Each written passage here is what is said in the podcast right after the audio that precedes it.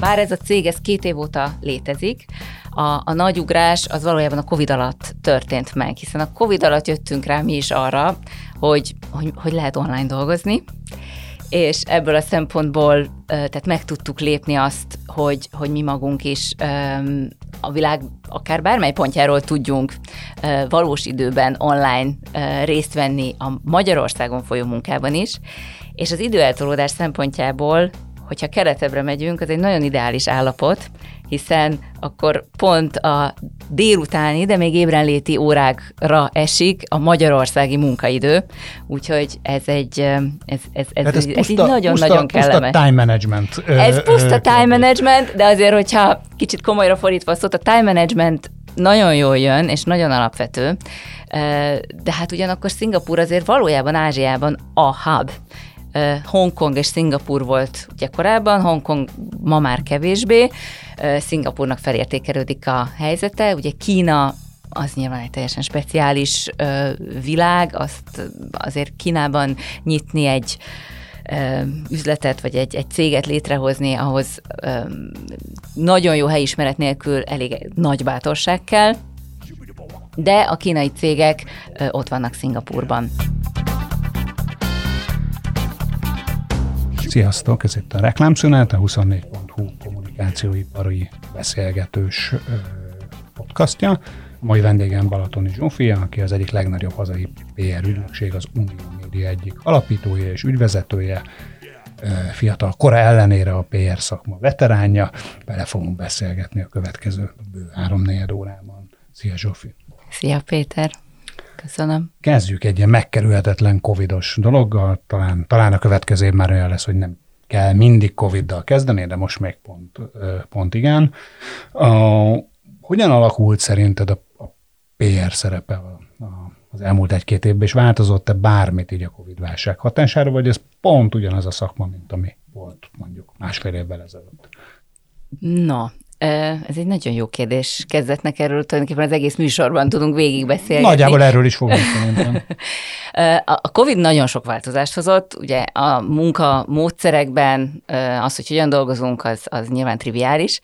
Tartalmilag, ami történt, az az összes employer branding projekt az előtérbe került, sokkal jobban figyelnek a cégek a munkavállalóikra, a potenciális munkavállalóikra, nyilván ezt olvassuk a hírekben, hogy hogyan alakul a munkaerőpiac, de nem csak Magyarországon, hanem a világon mindenhol, mindenki állást keres, és, és, és, és ezzel nagyon sok kommunikációs feladat van. Ez az egyik része, a másik része, ami talán sokkal öm, lényegibb, az az, hogy a, a cégek azt hiszem, hogy a COVID kapcsán jöttek rá arra, amit egyébként már sokan régebben is sejtettek, de most aztán teljesen bizonyossá vált, hogy nagyon fontos a, a küldetés, a purpose, az, hogy, hogy miért vagyunk a világon, hogy mit teszünk a világhoz, mit adunk hozzá, tudunk-e jót cselekedni. Most jöttek erre rá a cégek, Én vagy, hiszem, vagy, hogy... vagy most, csak, most csak ez jobban hangzik, mert olyan, időt, olyan időket élünk, amikor ez most megkerülhetetlen? Igen, ez, ez most megkerülhetetlen. Tehát, hogy most nem lehet úgy beszélni a saját termékünkről, szolgáltatásunkról bármelyik cégnek, hogy ne érintenénk azt a témát, hogy ez hogyan, hogyan ad hozzá a világhoz. Ez egyébként szerintem COVID nélkül is eljött volna, illetve már úgy készülődőben volt, egyszerűen a klímaválság miatt például és, és hát felnövőben van egy olyan fiatal fogyasztói réteg, akiket ez érdekel, akik ez alapján választanak márkát, ez alapján öltözködnek, vásárolnak, úgyhogy ezt muszáj minden cégnek észrevennie. És ez velünk is marad szerinted? Tehát ha majd reméljük egyszer elmúlik a vírus, és Gondolod? ilyen értelemben visszatérünk a, hát azért én remélem, visszatérünk valami fajta normál kerékvengesbe, de a purpose az velünk marad?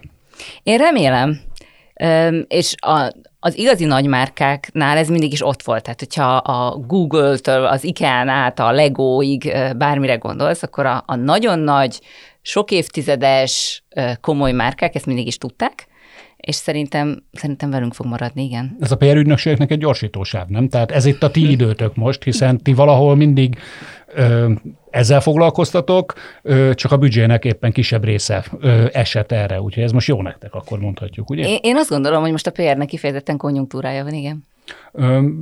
Mit gondolsz arról, hogy mi a, ha, ha meg lehet ezt egy mondatba, vagy egy mondatba fogalmazni, akkor mi most a legnagyobb feladat a, a, a PR szakmának, vagy a PR ügynökségi szakmának? Hmm, nagyon jókat kérdezel. A, a, hát a, pontosan a purpose alapú gondolkodás kapcsán ugye föl kell tudnunk nőni ehhez a feladathoz, és a, szóval a, a, az egész digitális forradalommal, ami ugye már velünk van egy, nem tudom, tíz éve körülbelül, elindult egy olyan lehetőség, amit nem tudom, hogy, hogy minden PR ügynökség vagy reklámügynökség észrevette, és ez, a, ez az adatalapú ságban rejlő hihetetlen lehetőség. És én azt gondolom, hogy ez a legnagyobb feladat, ami most így mindenki előtt, de a vállalati szakemberek és az ügynökségi emberek előtt is áll, hogy ezt képesek legyünk megérteni, mert borzasztóan sok adat van, nagyon sokat tudhatunk a saját fogyasztóinkról, vagy akármelyik stakeholderünkről, csak, csak az a kérdés, hogy, hogy hogyan ne fulladjunk bele ebbe az adathalmazba, és hogyan tudjuk ebből a tényleg értelmes adatokat megtalálni, és azokat az insightokat kinyerni, amire aztán tudunk építeni kampányokat. Mi dolga a pérügynökségnek az adat Ez ilyen nem feltétlenül triviális, hogy elsőre az jut eszembe, hogy legyenek jobb, pontosabb sajtólistáitok. Gondolom nem egészen erre gondolsz, hanem ennél többre, hogyha Igen. jól értem. Igen, igen, igen. Ez, a, a pérügynökségnek a gondolkodásában ez valószínűleg klasszikusan tényleg nincs benne. Nálunk ez körülbelül négy évvel ezelőtt indult el az a folyamat, amikor rájöttünk arra, hogy, hogy nem elég ilyen hát ilyen becslés alapján, vagy a legjobb szándékunk, a legjobb gondolatunk alapján kampányokat tervezni, hiszen vannak adatok.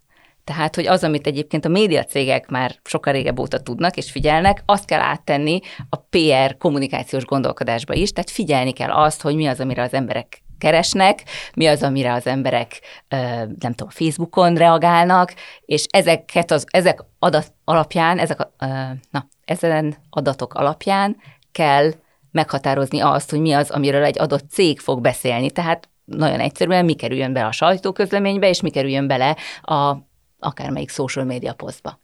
Azt gondolod, hogy, hogy megvannak már nálatok, és a napi gyakorlatban használjátok azokat az eszközöket, amivel az adatból kiválasztjátok a fontosat, a nem fontos, mert felhoztad a média cégeket példának, én ugye egy média cégben ülök, és mi nálunk talán az egyik legnagyobb állandó probléma, hogy rengeteg adatunk van, Ám de mit kezdjünk ezzel a rengeteg adattal, és ki és hogyan válassza ki, a, válasz el a fontosat a nem fontostól? Hogy nálatok ez benne, bekerült ezek szerint már a napi gyakorlatba, és azt mondta, hogy ezt készségszinten űzitek? Ez egy nagyon komoly ambíció volt, hogy ez kerüljön be a napi gyakorlatba. Fölépítettünk erre egy csapatot tulajdonképpen, van nálunk egy Content Factory, amiben most ül körülbelül egy 8-10 ember, akiknek ez ők adatelemzők, vagy tartalomgyártók? Ők közöttük van adatelemző is, és tartalomgyártó is, és ugye vannak erre szoftverek, számos szoftvert használunk, és most már együtt dolgozunk, hát nem is tudom, egy legalább egy négy olyan ügyfelünk van, négy-öt olyan ügyfelünk van, ahol kifejezetten ö, kifejlesztettünk egy olyan adatelemző dashboardot, ahol a fontos adatokat tudjuk nézni, és az alapján tudunk kommunikációs akciókat tervezni. Ezt tök jól említetted, hogy, hogy, hogy, hogy kiépítettetek egy, egy új csapatot, mert erre vonatkozott van amúgy is a következő kérdésem, hogy, hogy jelente ez, ez munkavállalói vagy munkatársi oldalról változás, szóval, hogy magyarul, hogy, hogy más emberekre van-e szükséged, mint akik, akikre régen, és hogyha igen, akkor ezek helyette jönnek valakinek, vagy pluszban jönnek? Mm, igen teljesen más emberek, tehát ez egy teljesen más kompetencia. Itt sokkal inkább, tehát még egy időben azon is gondolkoztunk, hogy esetleg a pénzügyes kollégákat mozgatjuk át. Hiszen ők számokkal. Hiszen ők ismerik az Excel-t, és számokkal tudnak dolgozni, de végül ez nem valósult meg. Teljesen más a kompetencia szett, teljesen új embereket kellett erre fölvenni, de ez nem jelenti azt, hogy ők kiváltanák a az egyéb tartalmi szakembereket. Tehát nálunk most tulajdonképpen két content csapat működik cégen belül. Az egyik az, ahol az adatelemzők vannak, és a kifejezetten social fókuszú tartalomgyártók is, mert a socialben nagyon összekapcsolódik ugye az állandó real-time történő. Ez az, amire úgy gondolunk, hogy akik írják a Facebook posztokat. Írják ugye? is, de nekik érteniük is kell, hogy mi zajlik, tehát ő nekik az elemzésekhez is kell, hogy legyen egy, egy affinitásuk. Ez az egyik része a content csapatnak, és van egy másik, hasonló méretű, szintén ilyen tíz valahány fős, akik pedig a, a long copy írják, és ők azok, akik azok alapján, az információk alapján dolgoznak, amik az adatokból kijönnek, illetve ő nekik még megvan az a akár évtizedes szaktudásuk mondjuk egy adott területről, tehát azok a szakírók, akik már évek óta foglalkoznak a repüléssel, vagy az energiaiparral, vagy a bármivel, ezt a kettő tudásukat összegyúrják. Ők a klasszikus és a... PR-esek, ugye, akikre úgy gondolunk, hogy értenek egy iparág ügyeihez, és az ügyekről tudnak értelmesen beszélni ők írni tudnak. Ez egy külön írócsapat, és ezen kívül van az a csapat, akik a, ö, nem tudom, hogy kik a klasszikus péresek, azt akartam mondani, hogy ez a harmadik láb lenne a klasszikus péresek, de ők inkább ez a klasszikus account munka, akik értenek a PR szakma és a kommunikáció több részéhez is, tulajdonképpen mindenhez értenek, és ők azok, akik az ügyféllel napi kapcsolatban vannak. Az az érdekes, hogy ez az új ügynökségi modell, ezt, e, ezen mi dolgozunk most már négy éve mindenképpen, és, és egy, egy kicsit így magunknak kellett kitalálni. Volt, volt erre minta? Ez, ezt, ezt akartam pont kérdezni, hogy ez, hogy ez úgy jött, hogy egyik reggel négy éve fölébredtetek, és azt mondtátok, hogy na, ez így nem működik tovább, ki kell valami újat találni, és akkor kinyitjuk a könyvet, vagy felhívjuk a külföldi barátainkat, és ők elmondják, hogy hogy kell csinálni, vagy vagy, a, vagy azt mondtátok, hogy hazárdírozzunk, szóval hogy ez így hogy működött a gyakorlatban? Nyilván nem egyik pillanatra a másikra történt. Nem. Négy évvel ezelőtt kezdtünk el tudatosan gondolkodni azon, hogy, hogy, hogy merre van a jövő, merre ö, megy a PR szakma, és mivel eleve az én hátterem az, az marketinges tulajdonképpen, tehát hogy én egy majdnem tíz évig marketingesként dolgoztam. Erről, erről majd megbeszélünk itt, ugye a, a cégnek a történetében, a DNS-ében az, hogy egy újságíró és egy marketinges alapította, tehát a PR szakma két határterületéről érkeztek az alapítók, ezt talán Igen. fontos így elmondani.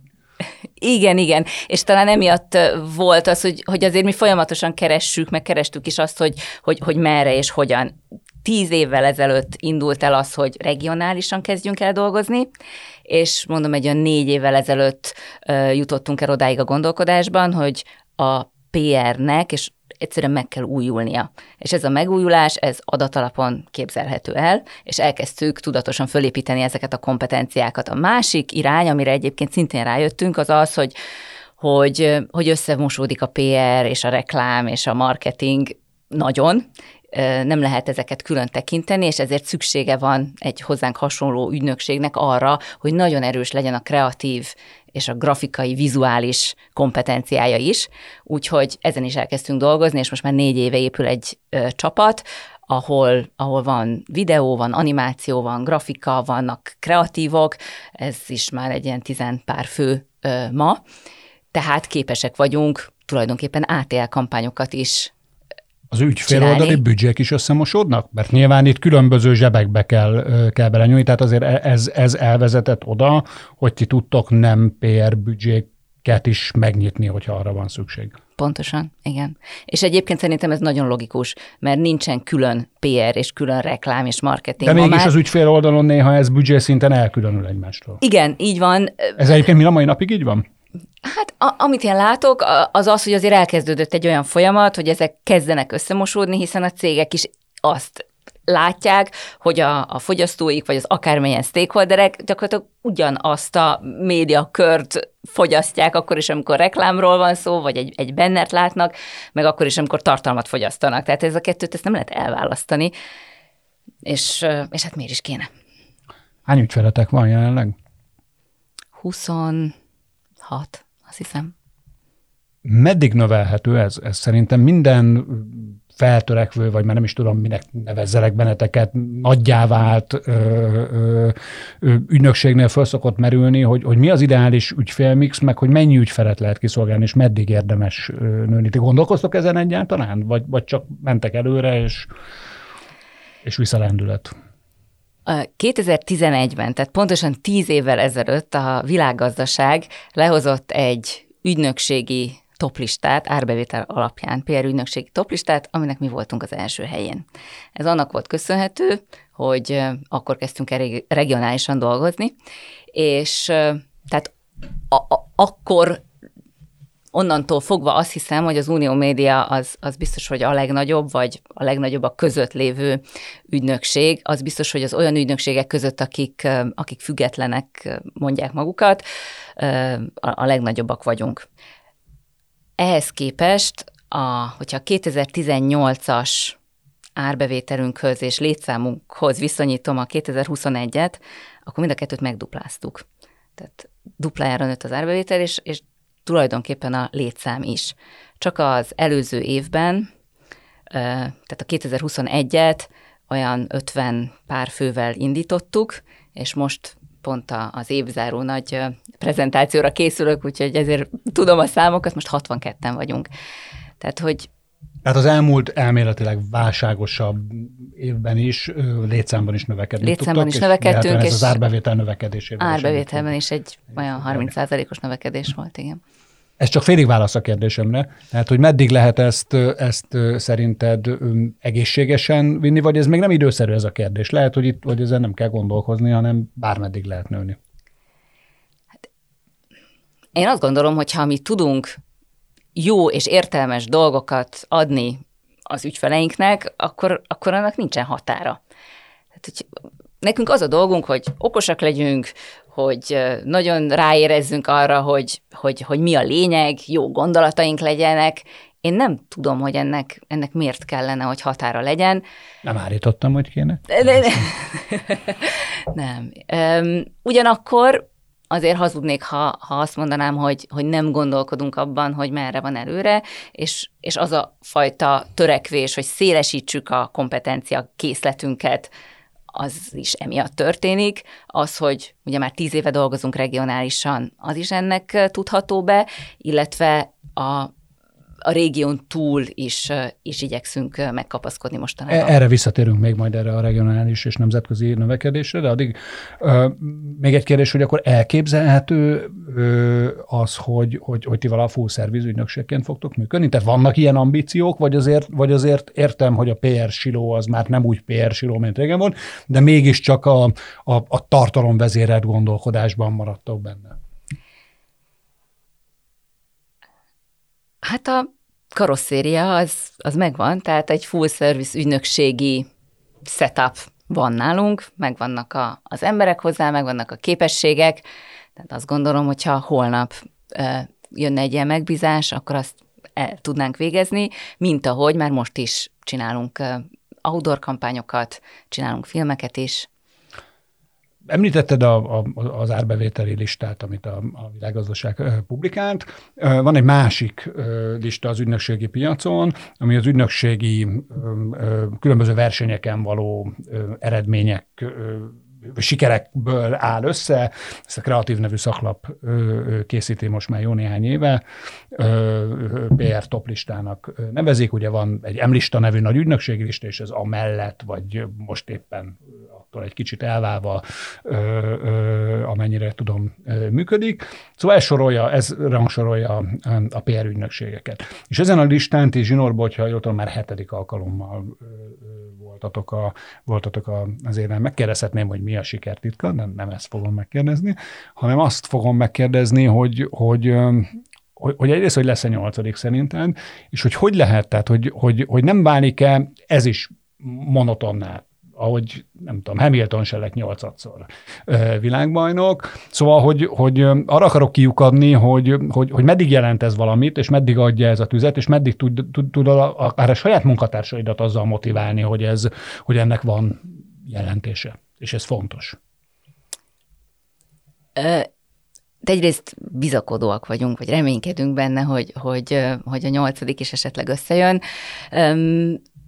hihetetlen érzés. Tehát, hogy én... Tehát ezzel keltek, ezzel fekszetek? Tehát ez így, ez így része a, a, a napi munkának, hogy jól kell szerepelni, a díjakat kell nyerni, mert a díjak után a listára kerülnek. Szóval ez egy része a, a munkának, a gondolkodásnak. Az a része a, a gondolkodásnak, hogy olyan kampányokat kell létrehozni, amik akár díjat is nyerhetnének. Azután már egy másik döntés, hogy erre akarunk-e költeni, hogy nevezzük, akarunk-e hozzá egy videós esettanulmányt készíteni, mert az már egy ilyen, hogy mondjam, az egy gyárszerű működés, de az, hogy hogy minden kampánynak benne, kampányban benne kell lenni a potenciálnak, az egy nagyon fontos alapelv, mert, mert ez a minőségnek az záloga. Tehát, hogy nincs olyan munka, amit na jó, most csak így megoldjuk, hanem olyat kell csinálni, a, a, ami amire fölkapja a fejét az ügyfél. Tehát állati nagy a verseny, mi nagyon sokszor reklámügynökségekkel versenyzünk, akár egy-egy kampányon vagy projektért, nem engedhetjük meg magunknak, hogy, hogy egy picit is lankadjon ez a fajta drive vagy lelkesedés. A kérdésnek arra a részére, hogy, hogy mit jelent ez, amikor az ember hetedszerre kapja meg, és hogy ez meddig, meddig tud motiváló lenni, mindig nagyon jó érzés, és az biztos, hogy azt hiszem van a pszichológiában egy ilyen, nem is tudom, hogy hogy hívják, a, valami olyasmi gondolat, hogy az ember a veszteség, valaminek az elvesztése, az mindig sokkal nehezebb, mint az, azt az, ér, az az érzés, hogy elvesztem, az nehezebb, mint az, amikor már sokat szorra kapom meg, vagy megtartom biztos vagyok benne, hogy el fog jönni az a pillanat, amikor nem mi leszünk az év ügynöksége. Sőt, az, az borzasztó lesz? Nem lesz borzasztó, pont ezt akartam mondani, hogy, hogy én azt gondolom, tehát én nagyon reménykedem benne, hogy nagyon-nagyon jó szakemberek vannak Magyarországon, én az elmúlt időszakban, elmúlt években azt látom, hogy, hogy borzasztóan sok jó kampány születik. Az a természetes, hogyha itt ebben egy váltógazdálkodás van. Én remélem, hogy itt, itt, itt lesznek jó új ügynökségek és kampányok, és ez biztos, hogy nekünk is fogadni egy lökést arra, hogy még jobbak legyünk. Az ügyfeleknek amúgy ez fontos? Tehát például szereztetek ügyfelet úgy, hogy ő kifejezetten azért jött, mert egy sok díjat nyert ügynökséggel akart együtt dolgozni? Nézd, a díjak az, a díj, díj, minden díj egy szakmai elismerés. Én nem hiszem, hogy van olyan ember, akár ügyfél, akár ügynökségi oldalon, akinek ne lenne fontos a szakma elismerése. Tehát én én ezt egy nagyon emberi és nagyon megérthető dolognak tartom, hogyha, hogyha ennek örülünk, és, és ez a cégeknek is én azt gondolom, hogy, hogy azt egy visszajelzés arra, hogy jól dolgoznak. Employer brandingben például ez fontos? Tehát, hogy így, Én, hogy hát, így akarnak oda menni ö, ö, kollégák, vagy még leendő kollégák azért, mert én a legjobb PR ügynökségnél szeretnék dolgozni? Igen, kifejezetten igen. A, Ugye beszéltél már arról, hogy, hogy, hogy kifejezetten odafigyeltek arra, hogy content alapú kampányokat csináltok, sőt egy külön divíziót is építettetek föl erre. Mennyire ö, látjátok ezt még mindig ö, feltörekvő ágának a, a kommunikációs piacnak, hogy a, a natív kampányokat, és mennyire látok változást abban, hogy, hogy a médiumok hogy tekintenek erre? Van-e ebbe egyáltalán, egyáltalán változás? Tehát látjátok azt? Én egy, megint egy médiacégnél ülve én azt érzem, hogy, hogy úgy érzékelem, hogy a médiacég részéről talán nagyobb erre a, a, a nyitottság, mint mondjuk öt évvel ezelőtt volt, de hogy néz ez ki a, a ti oldalatokra? Tehát ez még mindig egy, egy, egy harc, vagy pedig, vagy pedig ez könnyebben megy, mint ahogy régebben ment? Igen, én azt hiszem, hogy ez, ez kifejezetten belekerült most már a gondolkodásába a médiacégeknek is, az ügyfeleknek is, hiszen ez valóban egy nagyon jó eszköz. Tehát a, a, a content alapú, branded content megoldások működnek, és hát én megkockáztatom, hogy, hogy sok esetben sokkal jobban működnek, mint az egyéb ilyen klasszikus hirdetési megoldások, úgyhogy ebben abszolút van jövő is, és sok, sok ilyet csinálunk, igen. Ha ez így van, hogy ilyen módon hogy van egy erőteljes szimbiózis a, hmm. a, a média cégekkel, mind ügynökségi oldalról, mind pedig hát hirdetői oldalról is, hiszen ti végső soron nem magatokért, hanem, hanem a hirdetőkért dolgoztok. Akkor mit gondolsz arról, hogy, hogy, hogy mennyire van a ti oldalotoknak, vagy ennek a két oldalnak felelőssége szerepe abban, hogy a helyi média cégeket támogassa a továbbélésük mellett dolgozzon, hogy hozzájuk és ne mondjuk a nagy nemzetközi szereplőkhöz ö, menjen, menjenek a hirdetési büdzsék. Amellett ugye, hogy említetted azt is, hogy hát nektek természetesen a közösségi média platformok is nagyon fontosak, amik jellemzően nagy nemzetközi szereplőket jelentenek. Szóval van-e nektek ezzel dolgotok? Hát a, a mi dolgunk az, hogy a, elérjük az ügyfeleket, tehát elérjük azt a célcsoportot, aki fontos az adott ügyfélnek a fogyasztókat, vagy akármilyen más stakeholdereket, hogyha bármilyen más célcsoportról van szó. Én nem hiszem, hogy ennek nagyon ellent kellene tartani, vagy ennek ellenében kellene dolgozni, hát akkor tudjuk hatékonyan elkölteni az ügyfeleknek a büdzséjét, hogyha ezek tényleg azokra a helyekre mennek, ahol a, ahol a fogyasztók vannak, és ahol ráadásul egy olyan fajta befogadási mechanizmus van, hogy valahogy képesek az üzeneteket valóban befogadni, és egyfajta engagement létre tud jönni. De van olyan szándék vagy törekvés, mondjuk bennetek, hogy, hogy meggyőzzétek az ügyfelet arról, hogy mondjuk hazai tulajdonú, vagy Magyarországon ö, működő, magyar tartalmat gyártó ö, ö, felületeken ö, költsenek, vagy pedig ez nem szempont, hanem oda viszitek, ahol... Azt gondolom, hogy ez egy, ez egy verseny. Itt a médiumok versenyeznek egymással, a különböző felületek versenyeznek egymással, és azért a számok azok elég objektív segítséget nyújtanak, tehát itt is tulajdonképpen adatalapon tudunk működni, azt tudjuk megnézni, és itt is a számokat komplexebben kell értelmezni, tehát nyilván nem csak az, egy ilyen alapszinten nézzük meg a, nem tudom, olvasottságot, vagy hogy hány ember van ott, hanem, hanem azt is figyelni kell, hogy mennyire sok az interakció, mennyire aktív egy adott felület, tehát nagyon sok szempont van, amit ilyenkor mérlegelni kell, de nyilván ez egy, ez egy eléggé objektív döntés szokott lenni. Említetted, kicsit kanyarodjunk vissza, vissza a terjeszkedés, vagy terjeszkedési tervek, vagy a terjeszkedési múltatok felé. Említetted azt, hogy kb. tíz évvel ezelőtt kezdtetek el regionálisan gondolkodni. Mesélsz erről egy kicsit, hogy ez hogy jött, miért pont úgy, miért pont oda, hogyha jól tudom, akkor ugye jelen pillanatban is Jubjanában van irodátok, és a szlovén piac az a, az a kezdetektől fogva ott volt. A, a, nem, nem, nem egy evidens, ugye elsőre nem egy evidensnek tűnő terjeszkedési irány Budapestről, bár közel van, de még a minket körülvevő országok közül is ritkán szoktunk elsőként Szlovéniára gondolni, pedig milyen szuper hely egyébként. Szóval, hogy hogy jött ez? Nagyon egyszerű. Volt egy ügyfelünk, aki vel akkoriban együtt dolgoztunk, egy nagy nemzetközi cég, és ők egy regionális központot működtettek Budapesten, a regionális központnak a területét kellett lefedni, és mi akkor nagy örömmel partnerek voltunk abban, hogy fölépítsük a saját képességünket, hogy tudjuk őket támogatni. De mi volt a, a terület? Tehát ez, ez Balkán Ez a terület, volt? ez Balkán volt, Romániával, Bulgáriával, és hozzátartozott a Magyarország Tól északra Cseh és Szlovákia is. De nektek volt bármi tapasztalatotok már, akár korábbi munkából ezen a, ezen a piacon, vagy pedig ez tényleg az ügyfélhez kötődött, ami a, a, ez egy adottság volt, és akkor erre épültetek Ez rá. az ügyfélhez kötődött, de voltak akkor olyan kollégáink, akikkel együtt dolgoztunk ezen az ügyfélen, akiknek volt tapasztalatuk ebben a régióban, tehát a szaktudás az megvolt nálunk, cég szinten ez az első ügyfél volt az, aki miatt mi kiépítettük a saját ö, hálózatunkat tulajdonképpen. És akkor ezt, és, ez, ezt úgy kell elképzelni, hogy akkor, hogy akkor, akkor ö, lett egy regionális irodahálózat, és akkor nektek ebben a tíz, hány, nem tudom, körülbelül ugye országban, ott lett mindenhol egy, egy szobátok, egy irodátok, egy asztalatok, egy cover, coworking helyen, egy telefonszámotok, tehát hogy mi volt az építkezésnek a, a menete? Az irodánk az jelenlegi Ljubljanában van, és a többi országban pedig partnerekkel dolgozunk együtt. Ezek vagy ügynök, ezek tulajdonképpen az esetek döntő többségében ügynökségek, sok országban tender tartottunk, tehát meghívtunk, megnéztünk egy csomó ügynökséget, lelátogattuk őket, beszélgettünk velük, és így kötöttünk ki annál a partnernél, akivel dolgozunk. Ugye ma már ezek a kapcsolatok, ezek, ezek tíz éves partnerkapcsolatok, tehát hogy ezek nagyon nagy múltra tekintenek vissza, és ez egy, tehát tulajdonképpen egy saját hálózatot építettünk ki itt a régióban.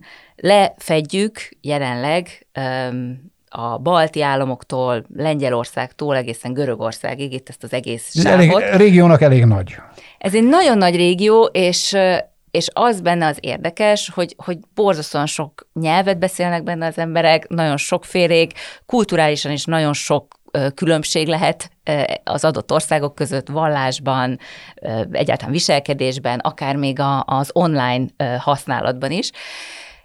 De mi ezt a nagy részt a budapesti és kisebb részt a ljubljanai irodából egységesen tudjuk kezelni ezt az egész régiót, és ez egy nagyon nagy segítség több ügyfélnek is, akiknek ebben a régióban dolgozunk, hogy tulajdonképpen egy egykapus rendszerrel tudják elérni ezt a csomó országot. Hát az építkezés, akkor, hogyha jól értem, az az volt, hogy elindult ezzel a tíz országgal, egy ügyféllel, és akkor ott, miután ez működött, és ezek a az ügynökségek vagy partnerek meghonosodtak ott, mint, mint, mint ezeknek az ügyfeleknek a képviselői. Utána újabb tendereken indultatok el, lettek újabb ügyfelek minden piacon egyébként, vagy, vagy van olyan, ahol, ahol, ahol egy ügyféllel vagytok? Hát ez egészen változó, igen, ez ilyen össze-vissza van, mert ez attól függ, hogy az adott cégnek hogyan néz ki ez a kelet-európai régiója. Tehát van olyan, akinél beletartozik Lengyelország, de van, aki külön kezeli, mert hogy az önmagában is elég nagy, tehát itt azért vannak változások, de, de igen, ma már pontosan így, ahogy mondtad, úgy így történt. Melyik a legjobb piac? Milyen szempontból? Melyik a, a legnehezebb piac? Hol, a, hol lehet a legtöbb pénzt keresni?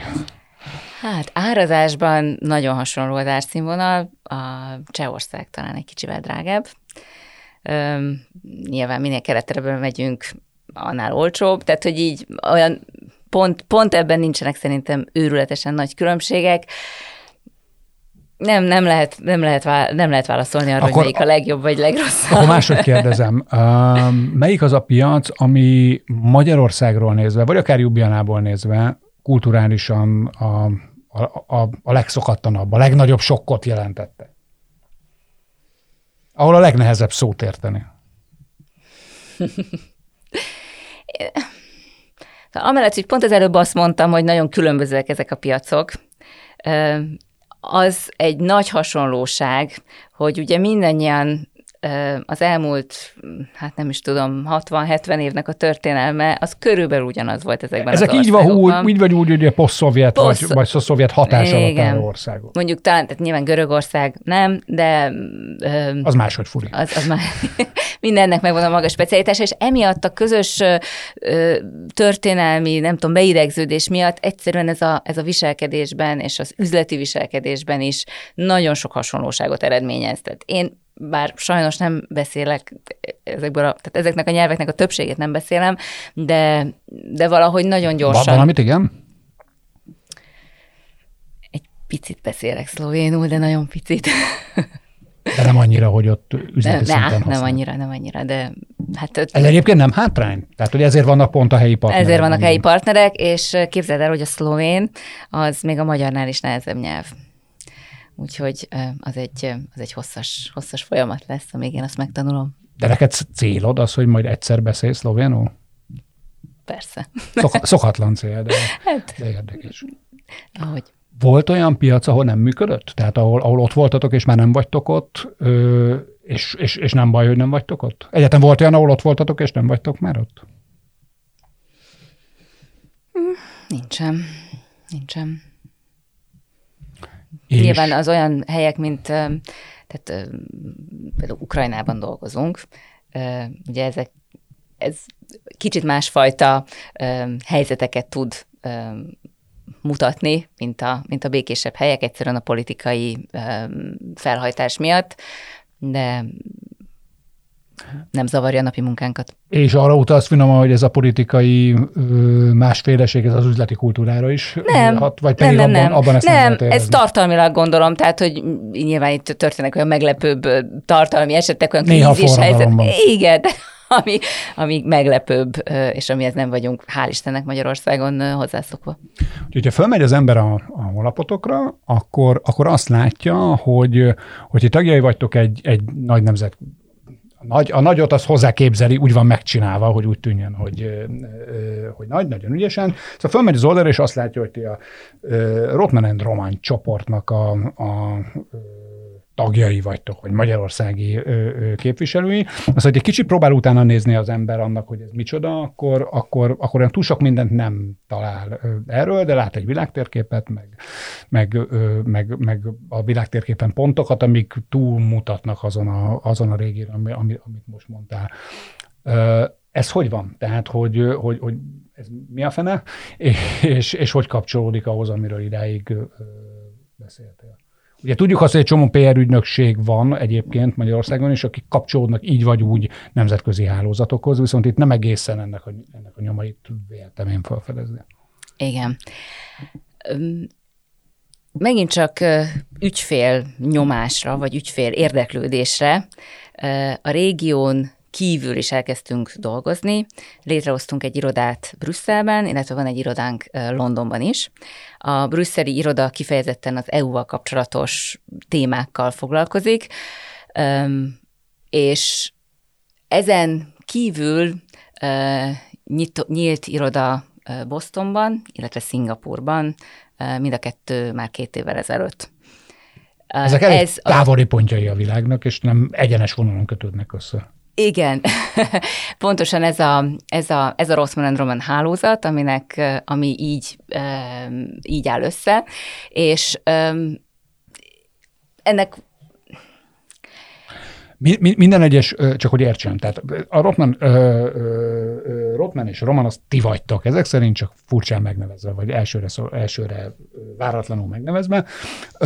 Minden egyes pont, ahol jelen vagytok, az egy-egy konkrét ügyfélhez kapcsolódik, tehát hogyha jól értem, akkor ez egy hasonló logikájú terjeszkedés, mint amit tíz évvel korábban megtettetek, ahol ügyféligény mutatkozott, oda mentetek, és ott voltatok. Mondasz ügyfelet is ezekhez? Tehát, hogy csak hogy, hogy érteni lehessen az, hogy hogyan, hogyan, hogyan ö, kapcsolódik, vagy legalább ügyfél típust, az, hogy milyen iparágban tevékenykedik. Igen, tehát pontosan úgy van, ahogy mondod, ezek ügyfelekhez kapcsolódtak, illetve azért ahhoz az ambícióhoz is, ahogy, a, ahogy mi látjuk, hogy merre megy a világ, illetve merre képzeljük el a, a saját jövőnket is. Vannak amerikai ügyfeleink, ez leginkább technológiai iparág. A szolgáltatásnak a lényege számukra nem Amerikában dolgozunk, hanem Európában. Tehát mi azt tudjuk hozni, hogy van egy olyan európai szaktudásunk, helyismeretünk, sőt, kelet-európai ismeretünk is, ami nekik nagyon értékes, és mi ebben tudjuk őket segíteni, de amiatt, hogy van egy irodánk Bostonban, ez ugye nagyon kényelmes, hiszen vannak olyan kollégák, akik velük egy időzónában dolgoznak, és ez egyszerűen megkönnyíti a, a folyamatos kapcsolattartást és a munkavégzést. Ami a, a szingapúri irodát illeti, az ö, kevésbé ügyféligényre jött létre, mint egyszerűen azt vettük észre, hogy egyre több olyan tender érkezik, ami, ami ázsiai cégtől jön. És a gondolkodásnak az volt a logikája, hogyha egyel közelebb megyünk ezekhez az ügyfelekhez, akkor lehet, hogy már egy korábbi szakaszban is kapcsolatba tudunk velük kerülni. Miért pont Szingapur? Ez nem az, nem az elsőre beugró ázsiai hab, ahova az ember úgy, úgy elsőre gondolná, hogy megy magától? Valójában... Körülnéztetek a régióban, és úgy választottatok? Pontosan, és valójában azt a, tehát bár ez a cég, ez két év óta létezik, a, a nagy ugrás az valójában a COVID alatt történt meg, hiszen a COVID alatt jöttünk rá mi is arra, hogy, hogy, hogy lehet online dolgozni, és ebből a szempontból tehát meg tudtuk lépni azt, hogy, hogy mi magunk is a világ akár bármely pontjáról tudjunk valós időben online részt venni a Magyarországon folyó munkában is, és az időeltolódás szempontjából hogyha keretebbre megyünk, az egy nagyon ideális állapot, hiszen akkor pont a délutáni, de még ébrenléti órákra esik a magyarországi munkaidő, úgyhogy ez egy, ez, ez, ez, hát ez, ez puszta, nagyon-nagyon kellemes. Puszta time management. Ez puszta time management, de azért, hogyha kicsit komolyra fordítva a szót, a time management nagyon jól jön, és nagyon alapvető, de hát ugyanakkor Szingapúr azért valójában Ázsiában a hub.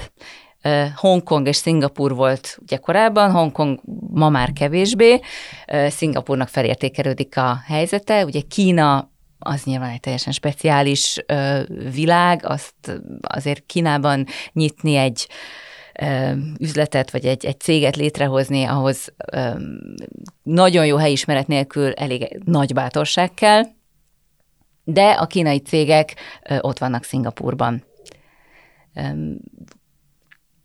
Nagyobb részt ott vannak mindenhol Ázsiában. Nagyobb részt ott vannak mindenhol Ázsiában, igen. És Szingapur egyébként még, a, még akár a, az egészen távol-keleti, tehát a japán, kórai cégek számára is egy, egy hábnak tekinthető. Úgyhogy innen, innen jön Szingapur. Tehát akkor jól értem, hogy oda egy kicsit ilyen zöldmezősen érkeztetek ö, meg, és, és ott ö, hát, Nézd, tehát ez, a... ez tényleg úgy működik, hogy, hogy ez egy, nekünk nincsenek nagy befektetőink, mi tulajdonképpen azt a, azt a pénzt, amit megkeresünk, azt forgatjuk vissza, tehát ez, ez mindenképpen egy kis lépésekkel történő építkezés, jelen, és a, a, amit ugye a lehetőségeink biztos, tudnak biztosítani. A, ugye azt elmondtad, hogy, hogy, hogy a legtöbb helyen helyi képviselőkkel, helyismerete rendelkező emberekkel ö, ö, dolgoztok, ide viszont magatok mentek, tehát hogy itt jelentősebben jelen vagytok. Mennyire kellettek személyetekben ehhez, és mennyire kellettek személyetekben az egészhez? Ugye mondtad azt is, hogy, hogy, hogy, hogy, hogy, hogy visszadolgoztok Magyarországra, sőt, hát tulajdonképpen Magyarországon dolgoztok, úgyhogy, úgyhogy közben egy csomót nem vagytok itt. Szóval mennyire rátok épül ez a dolog kettőtökre, rád és Római Robira, aki ugye a társad, férjed, alapító társad, és minden egyéb. Így van. Öm, a, tehát mindenhol vannak, Szingapurban is vannak helyi kollégák, ugye ott is most már egy ötfős iroda működik, hiszen enélkül nem is mehetne. Hogy mennyire épül ez ránk, én szeretném azt gondolni, hogy a, a mi nem tudom, motivációnk, elkötelezettségünk, tehát hogy, hogy van bennünk egy olyan um, szelle, ambíció, ami, ami ennek az egésznek a működtetésében, tehát ez, a, ez az, ami úgy belöki magát a masinát, de, de hát azért ma már ez tényleg egy 60, ugye csak Magyarországon egy 60 fős szervezet, itt szó nincs arról, hogy, hogy ezt, ezt mi személyesen ehhez hozzá tudnánk járulni az összes projekthez, az összes ügyfélen. Azt hiszem, hogy azt elmondhatjuk, hogy a legszeniorabb, legtapasztaltabb szakembereknek a nagyon nagy része dolgozik nálunk. A, a csapatnak nagy része nagy tapasztalatú, ügyféloldali tapasztalatú, vagy médiából jövő ember. Nagyon nagy nyugalommal lehet rájuk bízni a, a, az ügyfeleket és a működést. Hat az a, a, a magyarországi dolgozókra, hogy ez egy ilyen furán-furán, de nemzetközi cégé változott, és ázsiai, meg amerikai munkakultúra is bele kerül, vagy fordítva, hat-e az a szingapúri kollégákra, hogy egy magyar cégnél dolgoznak? Szóval van-e ilyen típusú hatás, vagy ez, vagy ez egy olyan nemzetközi világ, és, és annyira standardizáltan zajlik a munka, hogy ez, ez nem érezhető igazából? A, a munka standardizáltan zajlik, és, de, de az biztos, hogy ad a, egy, egy izgalmat, tehát ez egy ilyen plusz kis fűszer, hogy amikor ülünk egy, egy kolban, és, és a három kontinensen ülnek a résztvevők, mindenféle nemzetiség van, tehát hogy még a, még a szingapúri kollégákon belül is van több nemzetiség, tehát hogy nagyon nagyon-nagyon színessé teszi, és ez, ez, ez borzasztó jó, tehát ez nagyon inspiráló, Engem személyesen inspirál az, hogy, hogy, hogy kipróbáljam magamat más helyeken, más országokban. Kicsit van bennem egy kíváncsiság, hogy, hogy, hogy vajon működik-e az a szakmaiság máshol is, vagy hogyan működik, és hát egy őrületes tanulás. Tehát nagyon-nagyon-nagyon sokat lehet tanulni a, a, hát mindenkitől mindenki egy kicsit másképpen csinálja, egy kicsit más az attitűdje, és ezeket, hogyha össze lehet fésülni, akkor az egy, az egy szuper, szuper keverék. Ugye beszéltünk már arról, hogy ez egy családi cég, ha itt tetszik, vagy egy családi gyökerű cég. Ö, gondolkoztatok-e már azon, hogy ez, hogy ez mennyire maradhat így, hogy ezt így meddig lehet csinálni, meg hogy tovább akarod adni például a gyerekeidnek, hogy majd ők is itt dolgozzanak, vagy ez így nem merül föl, vagy nem is, nem, nem is jó fölvetés egyáltalán. Azt hiszem ez, ez a legtöbb családi vállalkozás egy idő után fölmerül, hogy, hogy mit lehet ezzel kezdeni ezzel a dologgal. Nem, hát a, a, a gyerekeim, ugye nekem három gyerekem van, akikből ö, kettő viszonylag nagyobb bacska, a, a harmadik kislányom pedig másodikos, úgyhogy az ő esetében még biztosan nem merül föl, hogy áthagyják. Lassan eljön az ideje. ne, ebben, ezen nem tök őszintén egyáltalán nem gondolkodunk. Ugye nem csak mi vagyunk a tulajdonosai, hanem a menedzsment tagok is, nak is van részesedésük a, a cégben. Én, én azt gondolom, hogy egyébként ez a jövő, tehát hogy ez a részvénytársasági működés konkrétan és átvitt értelemben is nagyon nagyon komoly ambíció az egyébként, hogy az Unió Média vagy a Rotman egy, egy platform legyen arra, egy, egy ugródeszka legyen arra, hogy, hogy itt mindenki megvalósíthassa a saját elképzeléseit, tehát hogyha ide bárkinek van olyan szakmai projektje, vagy olyan újító elképzelése, annak mi nagyon szeretnénk teret adni, tehát ez inkább egy ilyen kollektív platformként Bejelentkezhetnek a kollégák azzal, hogy abszolút, üzleti ötletük van, abszolút, és, abszolút, és igen. Tehát pont, pont a mai nap beszélgettünk erről az egyik De ez azt jelenti, hogy a kommunikációiparon kívüli ö, ügyekre is ö, nyitottak vagytok, vagy tesztek kirándulást? Akár, igen, de hát nyilván abból adódóan, hogy kik dolgoznak nálunk, ez mindig azért valamilyen szinten kötődik, de persze. Oké, okay. záró kérdés, nehéz záró kérdés, nem szoktak tudni erre válaszolni, de hát ha te majd mondasz rá valami okosat, hiszen te nemzetközi távlatokból szemléled ezt az egész iparágat. Mi lesz, mi lesz a következő nagy dolog szerinted a, a, a kommunikációs piacon? Lehet-e egy, lesz-e még egyáltalán, egyáltalán nagy dolog, vagy pedig ez egy olyan szinten a fragmentált, és a rengeteg adat miatt olyan, olyan nagyon sokat tudunk olyan nagyon apró dolgokról, hogy, hogy nincsenek már, már nagy trendek, hanem, hanem valami más van. Van-e, van-e valami olyan, amit látunk jönni, akár keletről, akár nyugatról, és majd egyszer eljön hozzánk is?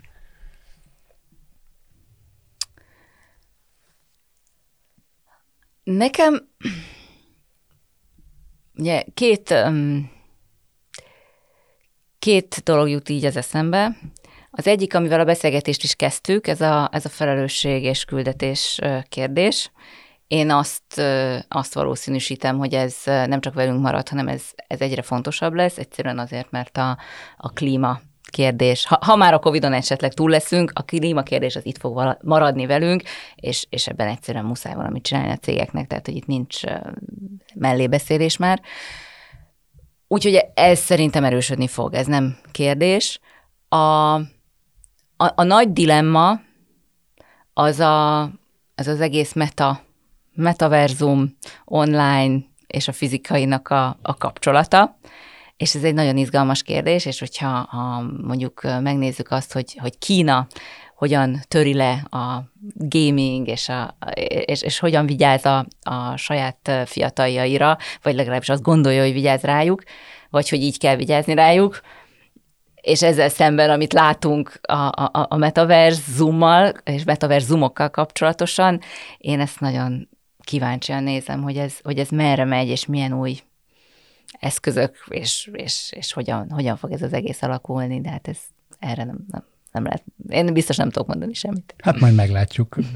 Én nagyon szépen köszönöm, hogy itt voltál. Szerintem ez egy érdekes beszélgetés volt, és messzebbre néztünk egy kicsit a, a saját megszokott világunknál.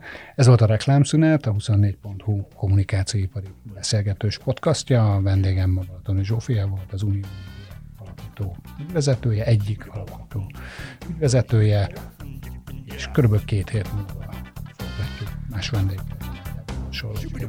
Köszönöm szépen. Én is köszönöm. Yeah.